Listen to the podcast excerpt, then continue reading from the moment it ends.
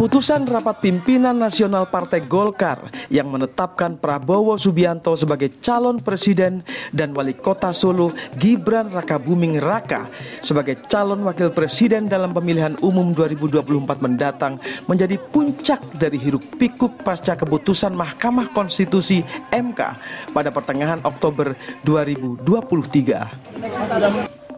Satu, mengabulkan permohonan pemohon untuk sebagian. Dua, seperti banyak diberitakan, MK memutuskan memperbolehkan calon presiden dan calon wakil presiden berusia di bawah 40 tahun asalkan pernah menjadi kepala daerah. Keputusan ini dikritik sebagai upaya memuluskan jalan Gibran yang juga anak Presiden Joko Widodo sebagai calon wakil presiden. Kritik atas keputusan itu memunculkan lagi istilah politik dinasti atau kekuasaan politik yang dijalankan oleh orang-orang yang terkait hubungan keluarga. Perilaku politik jenis ini dekat dengan korupsi, kolusi, dan nepotisme KKN. Di Indonesia, politik dinasti bukan hal baru.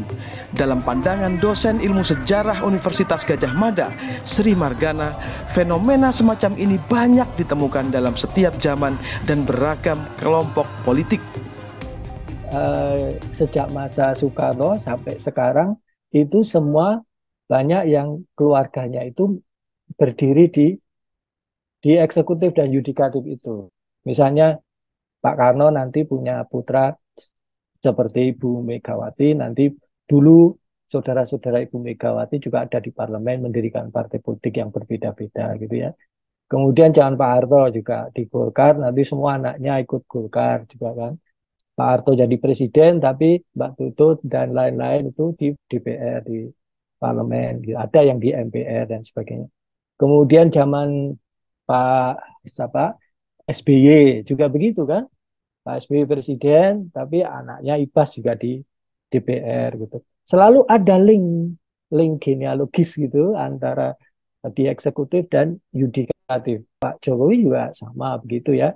Kebetulan ini Pak Jokowi ini uh, anak-anaknya banyak uh, kebanyakan di pemerintahan eksekutif semua, tapi ada satu keluarga atau ipar yang ada di MK seperti itu.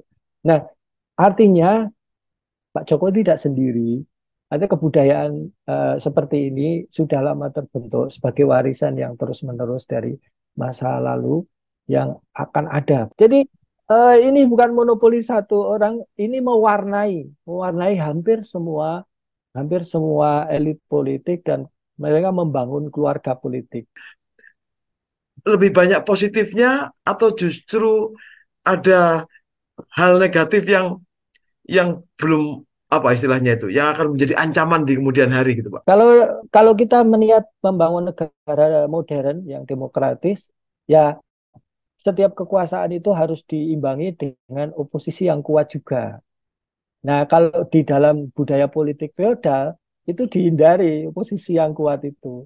Uh, jadi kalau bisa semua dirangkul gitu. Sehingga bahkan uh, di masa apa makanya sistem koalisi ya, koalisi banyak partai kemudian bangun itu adalah uh, akhirnya nanti bisa mereduksi uh, apa oposisi yang yang kuat itu itulah yang membuat mengapa kebudayaan politik ini tidak akan berubah selama masih ada budaya politik paguyuban bersama-sama seperti itu. Jadi ini bagi saya eh, bentuk-bentuk seperti ini uh, uh, tidak akan baik untuk politik di Indonesia.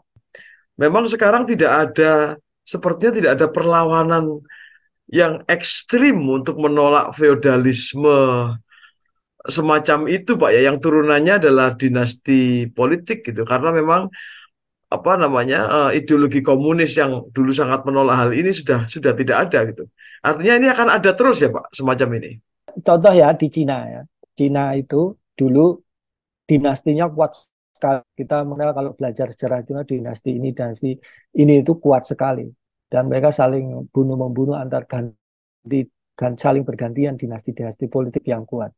Tapi ketika mereka ada revolusi yang apa persenjataan yang mempelopori revolusi di Cina kemudian memutuskan untuk membentuk sebuah partai apa negara modern maka mereka membuat membentuk suatu partai besar yang kuat yang yang tentu saja yang sangat anti feudal, anti politik dinasti kekaisaran di Cina.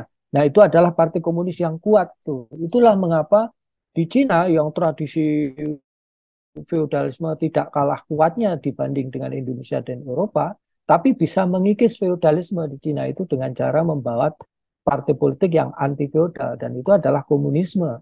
Dalam sejarah itu nggak bisa berandai-andai.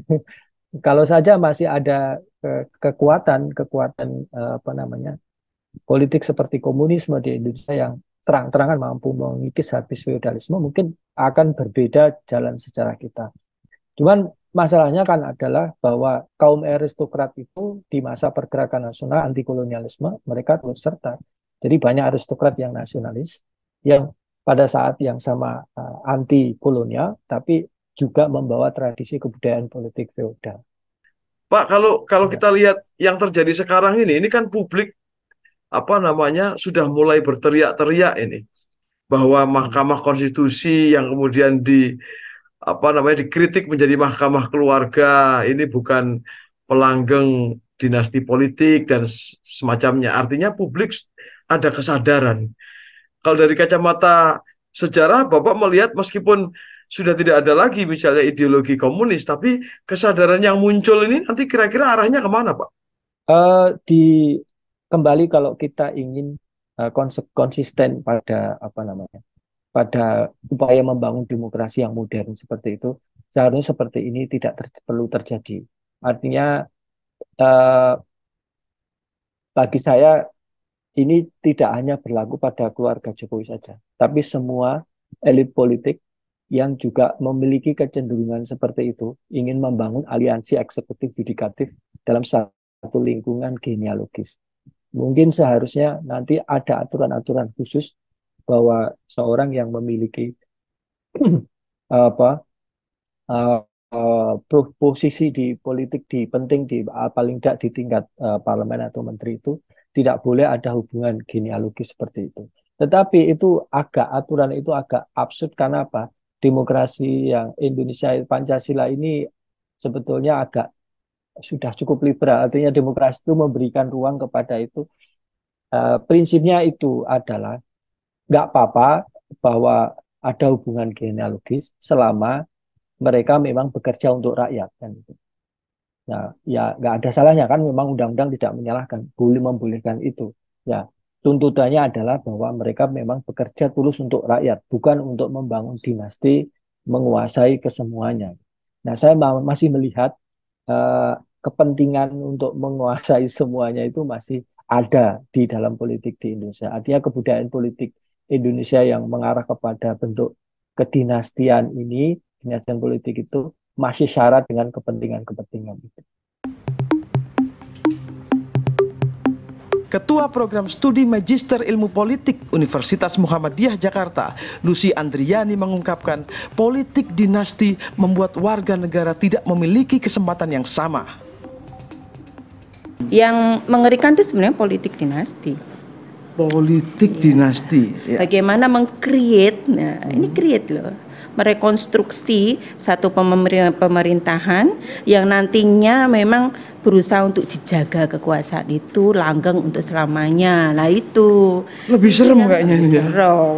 Nah inilah yang muncul akhirnya hmm. pada fenomena saat ini ada indikasi-indikasi seperti itu ndak gitu. Hmm. Ketika salah satu anak pemimpin misal hmm. pemimpin apa pun ya entah itu parpol entah kepala daerah ya hmm. nggak anak aja istri kan di pilkada pilkada iya, iya, iya, suaminya iya, iya. sudah tidak suaminya udah nggak jadi istrinya istrinya yang disuruh nyalon hmm, iya, ya iya, kan iya, iya. kenapa kita melihat bahwa itu sisi negatif hmm. karena kita sudah mempunyai komitmen bahwa kita hidup di sistem demokrasi itu harus menjadi pijakan okay. gitu. hmm. yang kedua kalau itu dilanggengkan itu akan menutup ruang bagi orang lain selain uh, anggota kelompoknya untuk bisa berkompetisi gitu.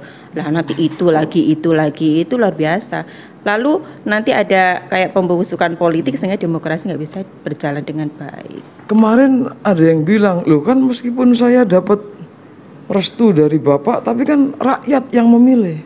Ada hal yang mungkin bagi kita harus kita pikirkan ulang ya, hmm. bahwa merekonstruksi kader atau melakukan pengkaderan di keluarga itu bisa ya sebenarnya sah-sah aja siapa sih nggak mau anaknya menjadi pemimpin gitu ta okay. itu kan dan itu pun masyarakat juga mengamini kalaupun dalam konteks demokrasi boleh tetapi hmm. kalau ini sudah diniatkan untuk melanggengkan kekuasaan yang dimiliki sebelumnya itu yang tidak dibolehkan oke okay. cara mengukur niatnya gimana nah indikator yang paling clear itu semua itu harus sesuai dengan aturan mainnya ditetapkan, punya kompetensi. Hmm. Kan yang terlihat di masyarakat kan ketika memaksa hmm. anggota keluarganya untuk menjadi pemimpin kan tidak diiringi dengan kompetensi yang sesuai. Itu. Hmm. Kemudian dipaksakan dengan cara apa pun. Ya, maksudnya hmm. berpolitik praktis boleh lah ya, tapi jangan memaksakan sesuatu uh, dengan melampaui aturan yang sudah disepakati bersama. Masyarakat itu sebenarnya tidak tidak bodoh ya. Masyarakat itu juga, juga punya kemampuan untuk mengidentifikasi isu apalagi hmm. uh, di era media sosial ini. Uh, lompatan-lompatan politik, kemudian atraksi-atraksi politik yang instan ya. itu luar biasa kelihatan. Gak mungkin kan kalau e, masyarakat tidak tahu itu. Mereka tahu kok. Melawannya bagaimana sih, Bu? Hal ya, kayak gitu. rantai itu. Jangan ada kesempatan sama sekali untuk membangun atau mereproduksi e, politik dinasti atau dinasti politik. Kalau itu dikasih kesempatan sekali aja, hmm. ya mohon maaf komitmen untuk iya jelas akan mencederai. Ya, fungsi partai politik itu kan untuk menghasilkan kepemimpinan baru Bagaimana partai politik mampu memberikan ruang kepada masyarakat semuanya yang punya kompetensi itu.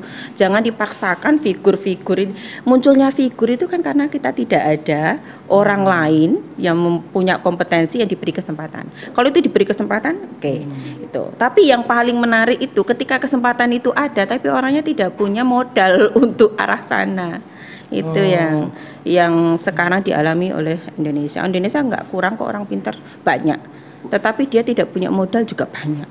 Bu, ngomong soal legacy, mm. ada yang bilang Pak Jokowi ini kan Bapak sudah dua periode, masa di akhir periode warisannya semacam ini. Pak Jokowi, saya rakyat Bapak yang berharap tidak ada politik dinasti, nah, yang berharap aduh. demokrasi bisa berjalan dengan baik, semua masyarakat punya hak untuk bisa berkompetisi. Peneliti Indonesia Corruption Watch (ICW) Kurnia Ramadana menilai politik dinasti bisa merusak demokrasi.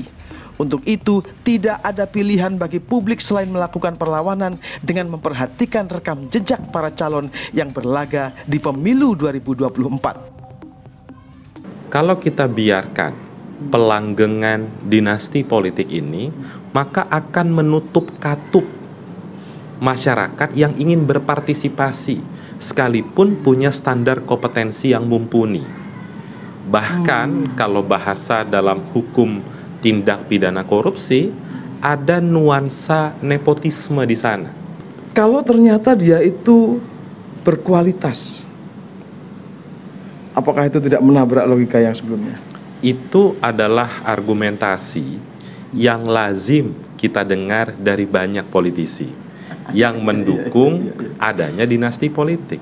Maka hmm. pertanyaan lebih lanjut adalah bagaimana kita semua masyarakat dalam konteks pemilu kita adalah pemilih. Hmm. Bagaimana kita tahu bahwa mereka benar-benar punya kompetensi yang baik?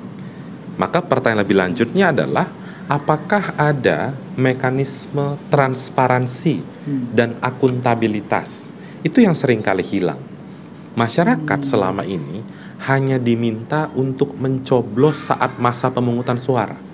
Pertanyaan lebih lanjutnya adalah, apakah masyarakat tahu bagaimana nama-nama seseorang di dalam surat suara itu bisa ada? Apakah partai politik membuka secara transparan? Ini loh calon-calon yang berkualitas berdasarkan tes kompetensi yang kami lakukan pada tanggal sekian waktu sekian. Itu yang tidak pernah kita dengar. Padahal putusan Mahkamah Konstitusi sudah dengan sangat tegas mengatakan tidak bisa semua pilihan itu diserahkan kepada masyarakat. Masyarakat punya hak untuk mendapatkan calon-calon yang berkualitas dan berintegritas. Berarti MK pernah mengeluarkan itu, Mas? MK pernah mengeluarkan putusan itu dan ini sebenarnya mempertegas bahwa masyarakat kita semua sebagai pemilih memiliki hak jadi tidak bisa semua hanya diurusi oleh partai politik. Partai politik mengeluarkan iya, iya, iya, sebelas nama, ya silakan saja kalau Anda tidak suka jangan pilih. Tapi mereka juga mereka juga terikat dengan etika. Partai politik itu jangan lupa mereka itu bukan badan privat. Mereka badan publik yang dibiayai oleh negara. Maka dari itu, mereka juga harus mengikuti nilai-nilai yang hidup di tengah masyarakat. Dan sebenarnya kalau kita bicara tentang dinasti politik, bukan hanya kali ini saja ada dan menguat di tengah masyarakat. Misalnya? Dalam catatan kami, beragam model dinasti politik. Hmm. Satu, ada pejabat struktural partai politik, dia punya anak, dia punya keluarga, keluarganya maju di partai politik tersebut. Apakah itu langsung jadi permasalahan? Tidak. Tapi sering kali yang kita lihat nomor urut keluarganya itu selalu pering, nomor urut satu atau nomor urut dua. Yang mana kita sering mendengar rumor nomor urut satu nomor urut dua itu ada loh biayanya. Atau tidak mudah mendapatkannya. Bahkan ada itu jatah untuk ketua wilayah partai politik. Tapi dengan sangat mudah didapatkan oleh keluarga dari pejabat struktural partai. Hmm. Tidak ada mekanisme pendidikan politik. Hmm. Ada nuansa konflik kepentingan ketika menentukan dapil mereka. Itu satu. Kemudian yang kedua, ada juga model dinasti politik. Keluarganya adalah pejabat publik, dalam hal ini kepala daerah. Kemudian anak, istri, suami, ponakan, om tante dan lain-lain itu maju sebagai calon anggota legislatif di daerah atau di dapil yang mana keluarganya adalah kepala daerah di sana. Ada potensi pengerahan sekali nih. Pengerahan anggaran negara, pengerahan program negara, hmm. program pemerintah untuk menyokong suara-suara mereka. Itu yang sering kali terlewat oleh kita. Hmm. Bagaimana fenomena dinasti politik di Provinsi Banten yang itu sudah menjadi rahasia umum. Bahkan sekarang kalau kita supaya masyarakat mudah mendeteksinya, satu tadi Gibran Raka Buming Raka menjadi wali kota Solo, ada mantunya Pak Jokowi, wali kota Medan, sekarang anaknya Kaisang menjadi ketua umum Partai Solidaritas Indonesia. Di sana kita lihat permasalahan ini tidak boleh hanya dilihat dari sudut pandang hukum, tapi itu kan tidak hanya terjadi di keluarganya Pak Jokowi. Kawan-kawan saya melihat nggak beberapa partai juga melakukan hal yang sama? Banyak sebenarnya. Hmm. Misalnya saya sebut yang udah jelas. Ketua Umum Partai Golkar. Okay. Anaknya maju sebagai calon anggota legislatif. Nah. Ketua Umum Partai Nasdem, Pak hmm. Surya Paloh, anaknya juga maju sebagai calon anggota legislatif. Itu kan model-model dinasti politik dari klaster pertama tadi, di mana pejabat struktural partai anaknya maju dari partai politik tersebut. Yang kita pertanyakan adalah bagaimana mekanisme mereka berproses di partai politik itu. Apakah ada, iya, iya, iya, apakah ada mekanisme yang dipotong semata-mata karena mereka adalah keluarga dari pejabat struktural partai? Dalam kasusnya PSI itu kan sudah dibicarakan di tingkat apa? Dewan pembina atau apalah itu. Artinya sudah sesuai mekanisme partai. Itu yang sering kali kita lihat partai politik ini tidak menjalankan mandat undang-undang partai politik. Apa mandat dari undang-undang partai politik? Melakukan pendidikan politik. Pendidikan politik di mana pendidikan politik kepada masyarakat dan pendidikan politik ke internal partai politiknya sehingga terjadi proses kaderisasi yang baik. Dua hari langsung ketua umum. Dua hari langsung menjadi ketua umum. Apa apa pun dalih yang mereka katakan, tapi sepintas kita lihat itu mempertunjukkan kepada masyarakat ada potensi pembiaran akan posisi Kaisang sebagai anak dari Presiden Jokowi. Ini sepertinya publik tidak tidak ngeh-ngeh banget atau memang cuek? Iya, memang yang harus dibenahi pertama, satu pasti pendidikan ke masyarakat, ya. bahwa praktik-praktik dinasti politik ini harus ditentang. Kemudian yang kedua, yang lebih esensial lagi adalah memperbaiki sistem di internal partai politik tersebut. Itu yang selama ini sering kali terlewat. Dulu ada sebuah partai politik ketika dalam proses pencalonan legislatif dia undang beberapa orang dari eksternal untuk menilai kapasitas dari bakal calon anggota legislatif. Ayo, arti apa ini? Berarti ini faktanya terjadi running dan kita mendekati pemilu 2024. Bagaimana sih cara melawannya, Mas? Melawan nomor satu adalah lihat rekam jejak para calon anggota legislatif. Cek siapa mereka, bagaimana proses mereka di suatu partai politik, apakah mereka telah melewati proses yang benar atau hanya hitungan hari. Fenomena kutu loncat kan terjadi juga hari ini. Iya, iya. Ketika dari partai A pindah ke partai B langsung menjadi caleg nomor urut satu di dapil yang uh, sesuai dengan daerahnya. Yeah, yeah, yeah. Pertanyaan lebih lanjut, apakah anggota partai politik di daerah itu hanya segelintir orang? Kalau banyak, berarti kan ada proses seleksi yang dia terabas. Hmm. Nah itu yang bisa dilakukan. Di samping itu juga track record, ya? track hmm. record. Kemudian yang kedua, memperba ini memang pekerjaan yang cukup panjang, memperbaiki regulasi di undang-undang partai politik. Bahkan lebih lanjut. Uh sampai pada anggaran dasar dan anggaran rumah tangga partai politik. Oke. Ini untuk menegaskan bahwa partai politik itu adalah partai atau badan publik. Hmm. Tidak bisa semua keputusan hanya dilempar ke internal partai politik tapi mengabaikan publik. Padahal sederhananya yang mendanai partai itu ya publik. Ya publik ya kita semua. Oke.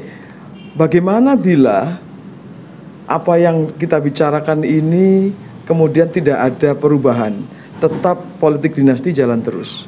Kira-kira apa yang bisa kerumitan-kerumitan, pelanggaran-pelanggaran apa yang bisa terjadi, Mas, kalau ini diteruskan? Satu sudah pasti tidak ada meritokrasi di internal partai politik. Satu. Kemudian yang kedua, tidak ada konteks atau implementasi hmm. dari nilai demokrasi yang sesungguhnya. Demokrasi itu kan membuka kesempatan selebar-lebarnya dan seadil-adilnya bagi seluruh masyarakat, bukan hanya oleh segelintir keluarga pejabat partai politik atau pejabat publik. Hmm. Saya rasa hal itu yang paling mendasar dan bisa berdampak panjang belum lagi bicara tentang aspek nepotisme hmm. di sana, di mana itu sudah di, dilarang berdasarkan Undang-Undang 28 tahun 99. Ada sanksi pidana di sana. Sehingga kalau ini tidak dihindari, dihindari oleh para elit partai, pejabat publik hmm. dan dilawan oleh masyarakat, tentu kita akan selalu uh, terbatas pada diskursus-diskursus yang kita lihat di depan mata dinasti politik sudah semakin menjadi-jadi.